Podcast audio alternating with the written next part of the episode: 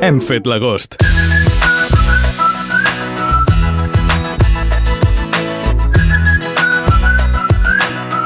Un grupet d'amics que tenien ganes d'obrir un local on a ells els agradaria anar quan sortien de festa i que consideraven que en aquell moment no existia. Així és com va néixer Gotham, que s'ha convertit en un lloc de referència a les nits de Lloret. Un d'aquests amics és el nostre convidat d'avui. A Nova Ràdio Lloret fem l'agost amb David Morell.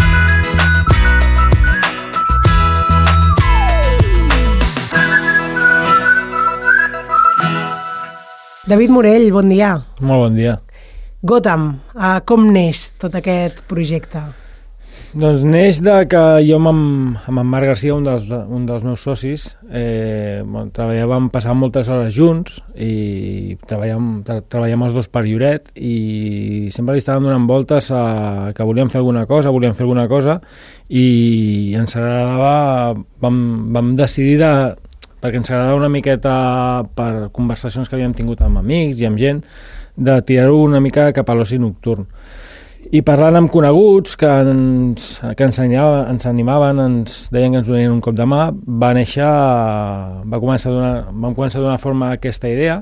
Primer vam començar a tantejar locals, després ens van, ens van... Quan ja ho teníem una miqueta abandonat, perquè no, és una cosa molt difícil, no?, de començar una cosa de zero, tant l'inversió com, com tot, ens, van ofer ens, ens va arribar d'un local, que és el que és l'actual Gotham, que estava, estava en lloguer, sense traspàs, i bueno, això ja ens va començar a animar, vam començar a retornar-ho, a, retor a retornar les conversacions, les converses entre nosaltres. En Marc eh, va dir que tenia un amic seu de tota la vida, en Xavi Lloberes, que és el tercer soci, que, que estava interessat, que també estava molt, molt animat, que volia fer una, una inversió i bueno, li vam anar donant forma i mica en mica va ser una mica no n'eren conscients de tot el que ens, ens va representar en el futur, de que, que és el que és ara Gotham, no? que pensàvem que tot seria, que seria molta menys feina, que tot seria molt més senzill, i de fet eh, va, va néixer una mica així, una mica inconscientment de tot el que ens venia a sobre i de tot el que volíem fer, però mica en mica va, va anar naixent, i sense donar-nos compte ja havíem, havíem emparaulat el local, eh, i ens vam sentar eh, en aquell moment teníem un, un quart soci i ens vam sentar els quatre a, a veure què podíem fer. Perquè de fet vam començar a fer obres eh, i tampoc teníem un projecte ben bé clar en aquell moment i de cop ens vam trobar amb el Covid. O sigui, just quan estàvem començant perquè teníem, nosaltres teníem uns quants mesos per, per fer obres volíem obrir aquell estiu però ens vam trobar amb el Covid. I allò també ens va, evidentment va ser un, un cop molt fort. I ens va, ens va parar de, del tot. Però... Sigui, encara a més a més d'aquesta inconsciència que dius que no éreu conscients de tota la feina que comportava, però a més a més clar. arriba la pandèmia, el confinament, etc. Eh? A part, que, que, era, que era un tema que ja no, era el, la, la incertesa que et generava el Covid, perquè evidentment clar. per tothom era una situació nova, evidentment, però per nosaltres també se'ns afegia els dubtes d'un projecte que per nosaltres era un projecte gran, tant a nivell econòmic com a nivell personal, de dir, i ara què? Ara què? Perquè clar, no sabíem si hi haurien ajuda, si no hi haurien, si podíem obrir, perquè en el Covid en aquella època era no, un mes, un mes, un mes o tres setmanes o, i anàvem passant els mesos i les setmanes i, i, i no, no que a més si no ho recordo malament l'oci nocturna es va obrir llavors es va tornar a tancar no? va bueno, una mica ja, ja va trigar uns quants mesos en què es pogués obrir sí. quan van poder obrir ara no recordo exactament les dates, però va, va ser ja bastant avançat a 2020, diria, uh -huh. però ens van deixar obrir d'aquella manera, que crec que va ser amb llicència de bar, amb un aforament era ridícul, crec que nosaltres per normativa ens tocava un 12,5% de l'aforament, i com a bar Mm, i que va ser, era un concepte totalment diferent del que nosaltres teníem planejat, però va ser una forma de, bueno, vam dir, provem-ho, més que res per donar-nos a conèixer, per, per provar una miqueta bueno, el mm. funcionament, eh, també érem inexperts en el sentit de, de que cadascú de nosaltres teníem una mínima experiència en el sector, però no des d'aquest de, des punt de vista, des de, des de ser propietaris d'un local i gestionar-lo. I això ens va permetre eh, conèixer una miqueta, una miqueta el món, tot i que era una cosa totalment diferent de la que havíem mm. previst al principi. I si, deixant de banda la pandèmia, que això sí que encara suposo que, ho va dificultar tot més, però si haguéssiu estat conscients de tota la feina que suposava, creus que ho hauríeu fet igualment o potser no tindríem Gotham avui en dia?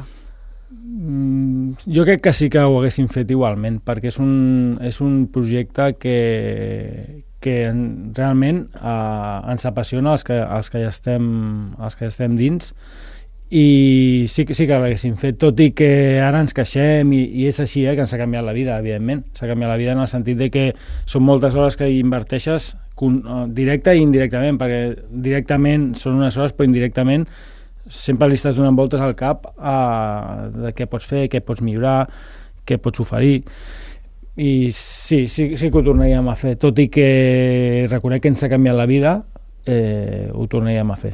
Perquè vosaltres hi sou allà quan el local està obert sempre, físicament? No, o no? no i, i som molt poc. Som molt poc perquè, primer perquè per, també tenim unes altres feines que, que no ens ho permeten exercir una, una tasca de cara al públic i tenim allà una, una persona que és la que ens porta al local, que és la Montse, que és la meva parella, i que, que confiem plenament amb, amb ella, ens porta molt bé el local, i nosaltres hi anem molt de tant en tant, però anem més que res quan hi ha algun concert, alguna festa, algú que realment hi volem assistir i, i anem pràcticament com, com un client més perquè diguéssim que ara mateix Gotham, o no sé si és l'objectiu per sempre, eh, de, és com un complement, eh, heu de tenir una, les vostres feines i a més a més teniu Gotham? Sí, bueno, això era, clar, nosaltres tenim les, les nostres feines que, que, a, que cadascú dels tres socis eh, ens van bé, és una, és, són bones feines, que ens, que ens permeten viure,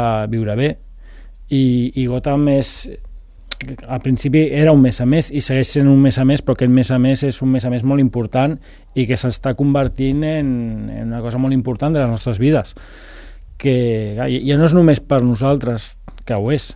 Eh, és també perquè també te'n dones compte que, que dones feina a molta gent i que, que emplees a molta gent i que directament els estàs donant un sostén tant econòmic com laboral i això també mm, són coses que al principi de fer el projecte potser no, no hi caus, però després sí que tu te'n dones compte de que és algo més, que no és només un, un negoci.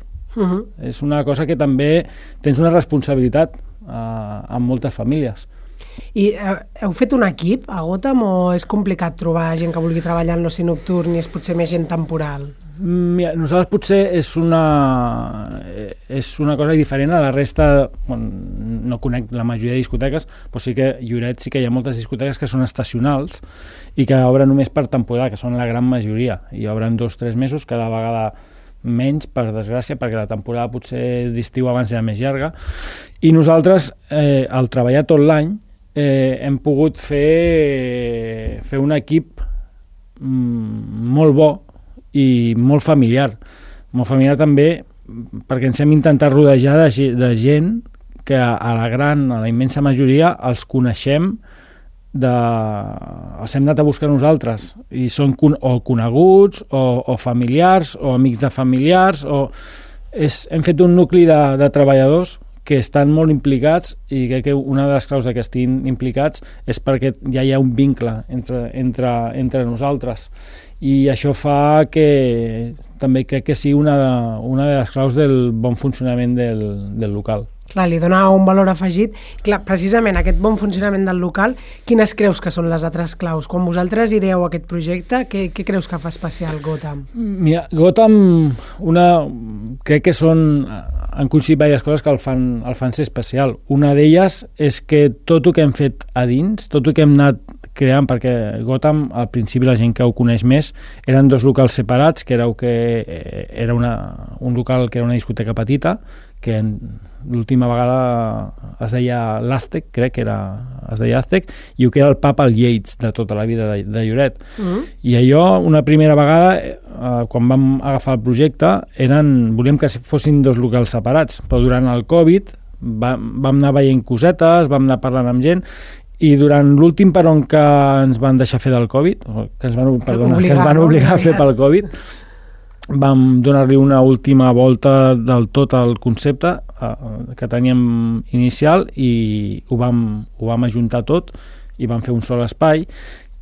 I el que venia a dir és que tot el que hem fet de dintre de Gotham ens ha vingut, ho hem fet pràcticament nosaltres amb les nostres mans i sense demanar ajuda a ningú ni sense demanar eh, ni a un dissenyador ni a un arquitecte res, tot ho, ho vam anar fent nosaltres amb idees que teníem, amb materials alguns que reciclàvem, amb materials que alguns anàvem comprant, després amb el temps al anar, anar evolucionant la discoteca i econòmicament anar bé vam poder fer alguns canvis i encara seguim fent canvis i és una cosa que ens l'hem fet nostra, que per aquí ve una de les parts, crec jo, que, que és un local que, tot i que no, potser no és el més maco, el que té els millors materials, eh, és un local molt acollidor, que és un local que la gent s'ha de fer molt seu perquè té, té una miqueta, no sé si dir-ho com carisma, no? El, és molt acollidor i té un, té un toc que és el nostre personal que a la gent li, li ha agradat. I després, una de les altres coses que també ha, ha fet funcionar molt és el, el que hem apostat molt per una cosa que aquí no es portava, que era, que era la música en directe, de, de començar a promocionar i, i a fer actuacions de música en directe, que era una cosa que al principi bueno, era arriscada perquè teníem una sala petita, després la vam fer més gran i, i vam començar a portar grupets mm, d'un pressupost més baix. I hem anat podent pujar eh, aquest pressupost i portar grups de ja un nivell molt bo a nivell de Catalunya i algun de nivell nacional. I tot això és una barreja que, que crec que ha fet que, que, que la gent li agradi i que s'ho facin també una mica seu perquè molta gent que ens ve eh, ens ho diu i diu sobretot a, a la Montse, que, que se senten com a casa i això és una de, de les nostres coses que estem més orgullosos, no? de que la gent vingui i, i estigui com a casa. Quan, quan dissenyeu el projecte, quan decidiu obrir aquest local, eh, bé, primer una, una altra pregunta, perquè deies que la idea inicial era que fossin els dos locals deixar-los sí. separats, haguessin estat dos locals diferents, és a dir, un més pub i l'altre més discoteca? Exacte. Aquesta era la idea Era el concepte. Eh? El primer era, diguéssim, que era el Yates, que era més com un pub. Uh mm. -huh. La idea princip, uh, inicial era fer una espècie d'esports bar, i Val. van posar bastantes pantalles, eh, bueno, un tipus de música més, més dels 80, més, mm, una mica més remember, més vintage, no? d'alguna manera, i l'altra era la discoteca, que eren, eren separats i sí que per una porta que hi ha que es connectaven la idea és que, bueno, que, el, que, que el, el pub eh, com, igualment eh, nosaltres dèiem pub però també tenia llicència de discoteca, evidentment. Mm. I la idea era que quan la discoteca s'omplenés els caps de setmana, doncs que es connectessin. Era una idea una miqueta que la volíem anar veient com evolucionava, i però clar, amb la pandèmia va ser, va ser, va ser, una, va ser una història molt rara perquè quan vam poder obrir l'aforament era ridícul i clar, mai vam poder mai vam poder veure realment la idea primera que teníem d'aquest ja, concepte. si hauria funcionat o no... Sí, sí el que passa que dic, eh, vam anar veient durant, durant els tancaments que ens van fer, vam tenir molt de temps per pensar, vam, vam parlar amb molta gent d'aquest món i bueno, vam acabar veient que era ens, ens, ens anava millor tant a nivell econòmic com a, a, a tots els nivells de fer un sol espai, mm. tenir més aforament i poder també per, a nivell de concerts, a nivell de moltes coses que volíem fer, tenir més, més espai a la, a la sala dalt i al final es va quedar aquest concepte. Però bueno, sí que era, era un pub, un sports bar, el primer concepte que volíem fer, i a dalt una discoteca. Sí. Mm -hmm. I la idea inicial era ja obrir tot l'any o també era anar veient a veure? No, això sí que, la idea inicial, això sí que ho teníem superclar, sí. que era obrir tot l'any i això és el que no ha canviat mai i, i que era treballar per un públic eh, més adult, diguéssim, que és el que veiem que potser li mancava una miqueta al poble, ja no només al poble, sinó a la, a la zona.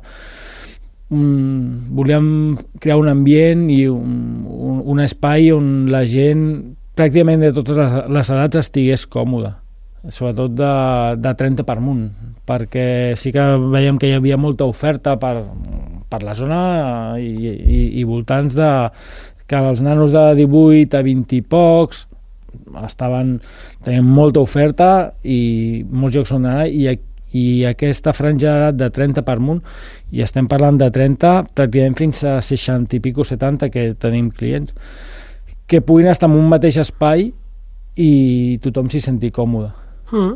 O sigui, això és to totalment real i, i a més a més si va també un grup de joves tampoc quedarà de desencaixat però és veritat que jo per exemple que vaig cap als 40 i, i, i t'hi sents bé, no? No és allò que dius ui, tot està ple de, de nens i... Exacte.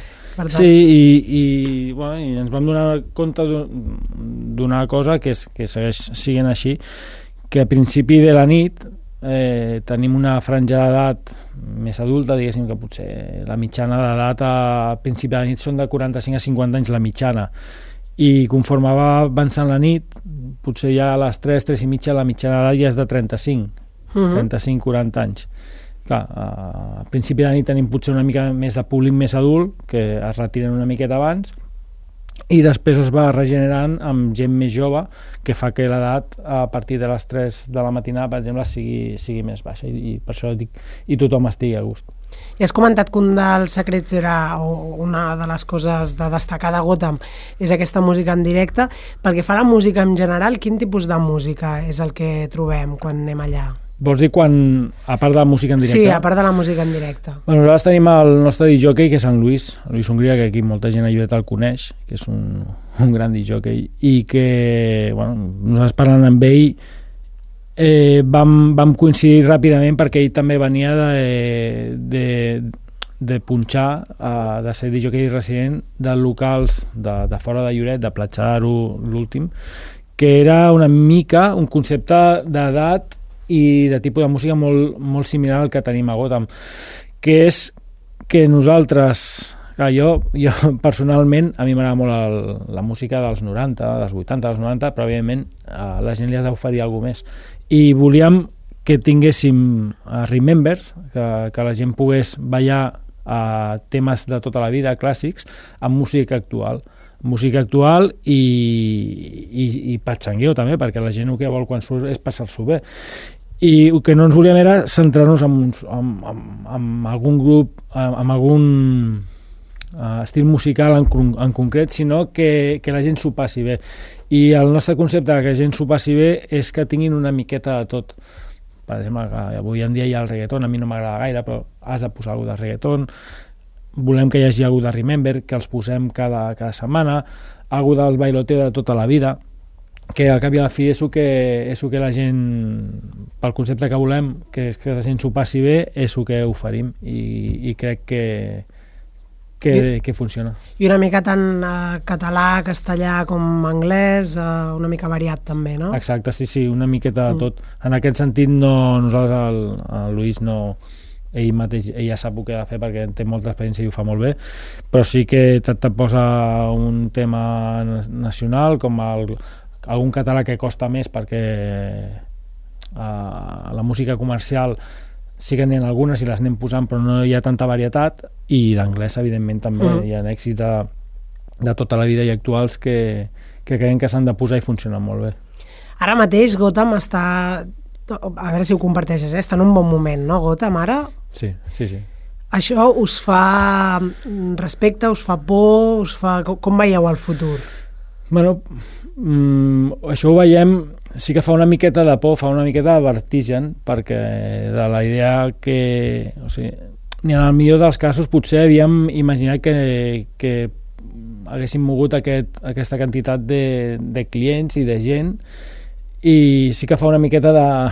és una barreja de vertigen, de por i d'orgull, no?, en, en, en el mateix moment i la por ara, que no és, no és una por, sinó és, és, és un, un, un repte, que és mantenir-ho i fins i tot millorar-ho i que, que la cosa no, no, no vagi a menys, sinó que fins i tot pugui anar a més.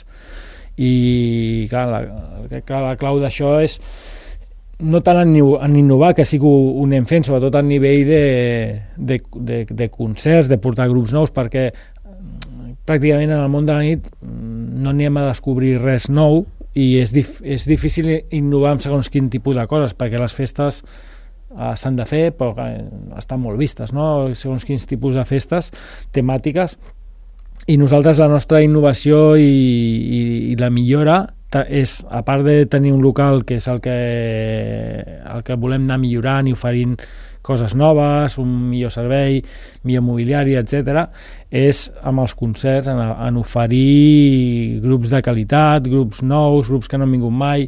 Ara, per exemple, en aquesta nova tongada de concerts venen uns grups que no han vingut mai, que tenen un catxer més alt, però que hem volgut apostar i que creiem que ens funcionaran molt bé i que també li aporten a Lloret també de posar-ho una miqueta en el, en el mapa de, de la música en directe, perquè hi ha molts grups ja ens coneixen uh -huh. i ens coneixen per, uh, per Lloret i és això, una miqueta d'això és, és anar, no estancar-nos intentar sempre fer alguna cosa nova per, per, primer per mantenir la clientela, oferir eh, una, una qualitat d'oci nocturn a, a la franja d'edat aquesta i, bé, evidentment, eh, no, mori, no sé si es diu no morir d'èxit, eh? sí, sí. És, sinó eh, estan actualitzats i mm. intentar millorant. Desitgem tota la sort del món. A Gotham les decisions les preneu els tres junts o cadascú té com una mica la seva parcel·la i...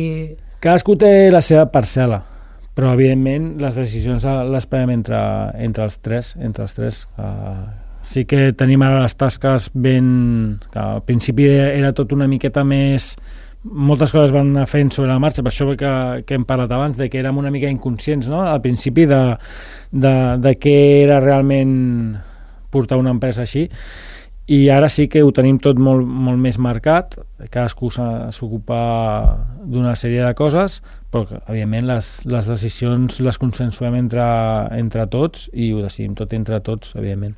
En el teu cas, tu ja t'havies dedicat al món de la nit, ja havies treballat al músic nocturn? Jo ja havia treballat, però, però feia molts anys, però clar, quan jo tenia dels 18 als 22 anys hi havia treballat, hi havia treballat tant com a cambrer, com de disjockey, però estem parlant de fa, fa 25 anys enrere, i clar, és molt diferent, és molt diferent. En aquella època ni se t'ocorria pensar-ho uh, des d'un punt de vista empresarial sinó era puro i duro de, de treballar i disfrutar-ho, però no... Diguéssim que no vaig treure en cap coneixement. Uh -huh.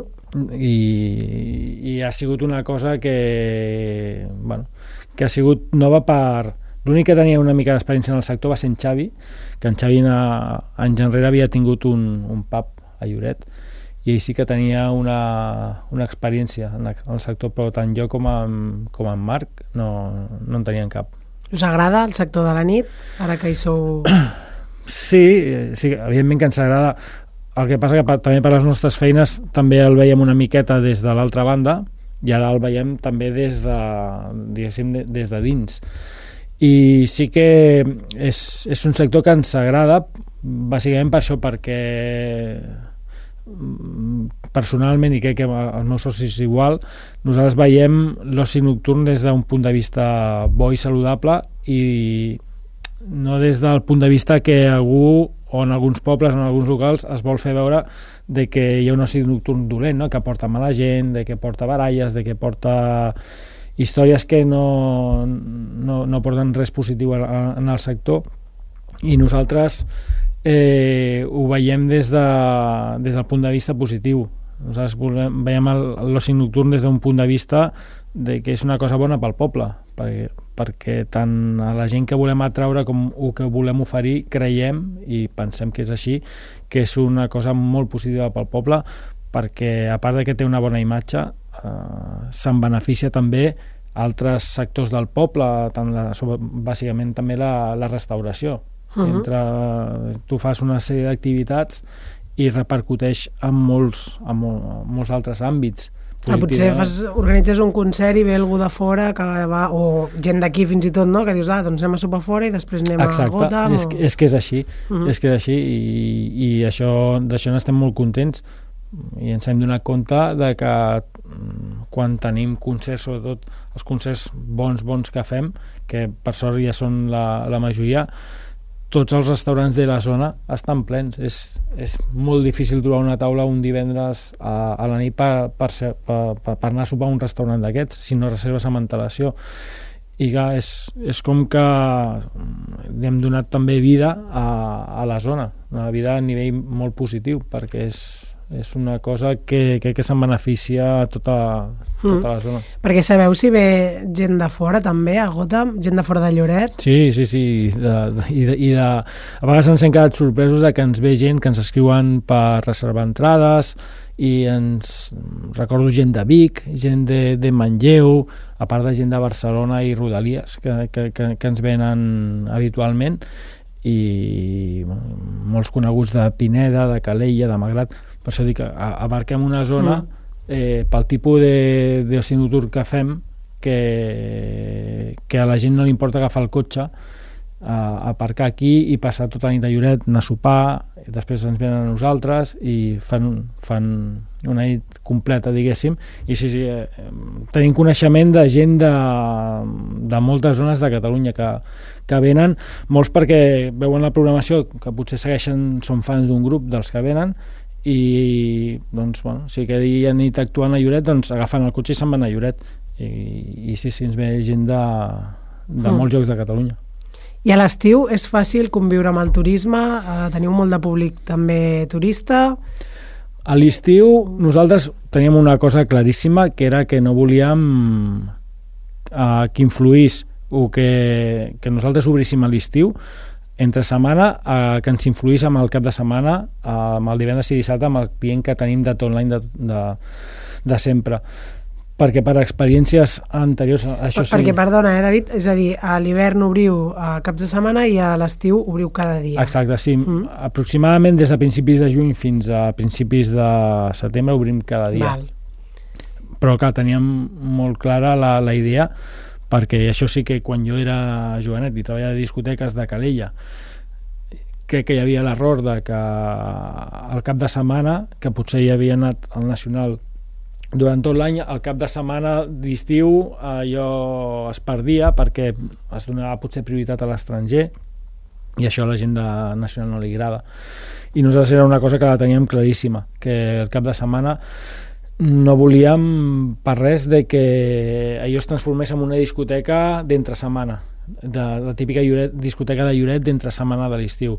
I a l'estiu sí que ens entra algun turista però és un turista diguéssim d'un perfil diferent del que va la majoria de discoteques sinó, uh, sinó que és un perfil d'una persona d'un estranger adult amb, amb unes característiques correctes tant de vestir com d'estat eh, una que no ens influeixi diguéssim amb que no pugui la paraula no seria molestar sinó que no, que Però no sigui Que no deixi de venir el públic que ve tot l'any, no?, perquè queda Sí, que ple tu- amb, amb turistes. Sí, o, ja no tan ple, que, que també, Oh. sinó que és un exemple Sí. fàcil i tonto, no? De que una, un grup dels típics anglesos hooligans que venen a Ja. Lloret, que són molt simpàtics, però, però Que potser sí, no encaixen, ja. no? Perquè són escandalosos, Bueno, és una, altra, és una altra cultura i no, que no volem és que el, el client de, de sempre del cap de setmana es vegi desplaçat o, Ja. o amb I un és, altre... fa, és fàcil aconseguir-ho, això?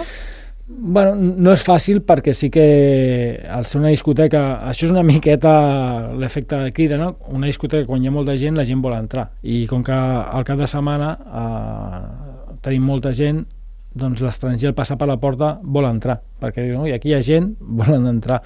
I evidentment nosaltres tenim unes indicacions a, a, a porta en, a, en aquest sentit de, de quin, quin, quin és la nostra idea en aquest sentit i que si no és un estranger que és un estranger correcte i de certa edat que no, que no entrin perquè Mm. hi ha molta oferta Lloret per aquest tipus de, de client i no ho- i sí que és difícil pels porters evidentment, pels porters i per, per la Montse, per l'encarregada que bueno, han de gestionar-ho, però ho fan, ho fan prou bé i, i en aquest sentit també estem molt contents.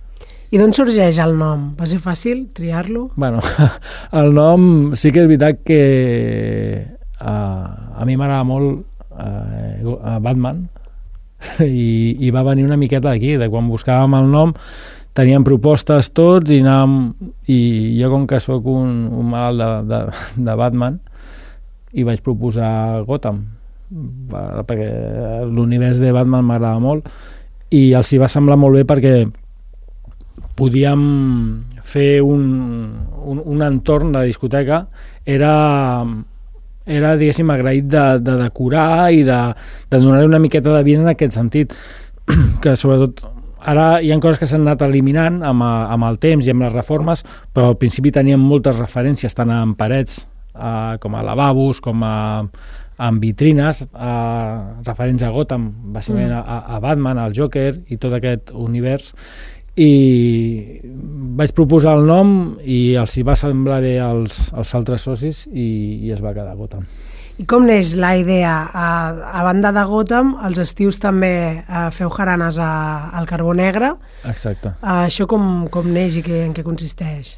Mira, això neix de... Nosaltres, per sort, suposo que al treballar bé doncs ens, van, ens van oferint cosetes per col·laboracions i, evidentment, no podem agafar tot el que ens ofereixen, però aquesta proposta sí que, que ens va fer gràcia, que eren els, els gestors del Carbó Negre, que són els de entre altres els de l'Eix Blanc uh -huh. i altre, altres locals de la zona, que també està el Max, el Max d'aquí de, de Lloret i en Miquel Pla, etc ens van oferir de, de que ells mm, tenen un espai molt maco que és l'exterior de, del restaurant Carbó Negre però no els acabava d'agradar com ho gestionaven a l'estiu els, els diumenges, bàsicament a la tarda i entre això i que, que no tenien gaire temps ens van proposar si volíem gestionar nosaltres gestionar diguéssim el que era la gestió dels concerts i les barres.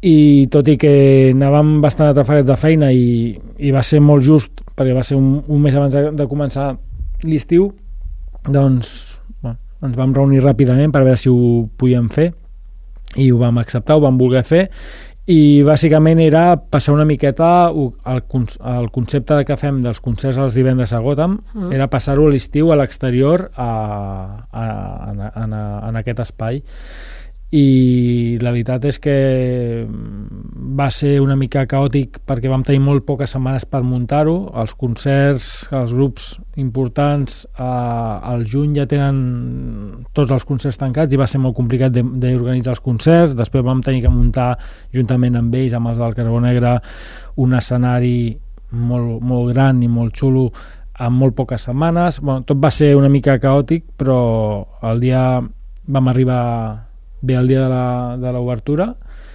i també ha sigut una sorpresa molt positiva perquè ha sigut una proposta que a la gent li ha encantat. Eh, hem omplert l'aforament pràcticament a tots els concerts i, i bueno, és, és, és una cosa que li donarem continuïtat i ara que tenim més temps per, per, per preparar-ho, que ara ja no, no serà tan precipitat, ja ho estem preparant de cara a l'estiu que ve que creiem que donem un pas més i donem una volta més tant a nivell de, de grups musicals com a d'oferir algun servei, alguna sorpresa més dintre del que és la Jarana, que és un recinte que, que serà més gran aquest any i bueno, ja aviat, aviat tindrem notícies de programacions de concerts i d'alguna coseta més. I teniu algun altre projecte entre mans? Us plantegeu potser en un futur obrir un altre local o tot això sobre a, la marxa? A dia d'avui sobre la marxa, per, perquè realment és el que parlàvem al principi de, de l'entrevista que porta molta feina, tot porta molta feina i ara de moment estem estem amb Gotham, ho estem estabilitzant i també ara just aquest mes farem una petita no anava dir última reforma, però potser no serà l'última, una petita reforma que ampliarem una miqueta més l'aforament que tenim i farem unes, una sèrie de millores. I Gotham, Gotham Sol ja porta molta feina. Ens porta molta feina també perquè nosaltres també tenim la nostra feina a part. I sí que ens ofereixen moltes coses i tenim i bueno, tenim moltes influències externes de, de poder fer més coses, però a dia d'avui amb, amb la jarana eh, sí que potser ens agradaria ampliar una miqueta el que és la jarana, ampliar una, una miqueta, vull dir, d'oferir una mica més de serveis eh, dintre del que és la jarana, mm. de, hi, ha, hi ha un projecte juntament amb els, amb els, amb els propietaris de, del carbó negre eh, que ja tenien aquest projecte de feia temps de fer-ho més gran, de fer-ho, ampliar-ho, el que he dit, de potser també posar botiguetes, posar més parades, fer una mica més com un, com un market, uh -huh. eh, que és la idea que tenim, i és, això sí que, que li volem donar una volta, i, i, i potser fer-ho més gran i potser sí que per aquesta banda sí que podíem créixer una miqueta de, ara ho fèiem els diumenges potser hi ha la possibilitat de, de fer-ho dissabtes i diumenges. Bueno, això és el que ara li estem donant més voltes. Mm. -hmm.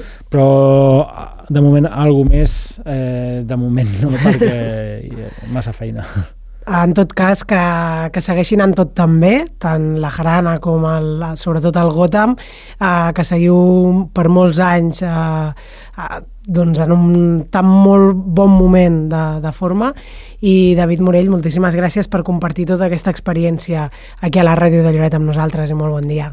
Moltes gràcies a vosaltres per, també per deixar-nos explicar una miqueta també tot el nostre projecte i, i perquè realment sempre també heu estat allà pendents de tot el que passa i també s'agraeix. Doncs seguirem pendents i seguirem en contacte. Moltes gràcies.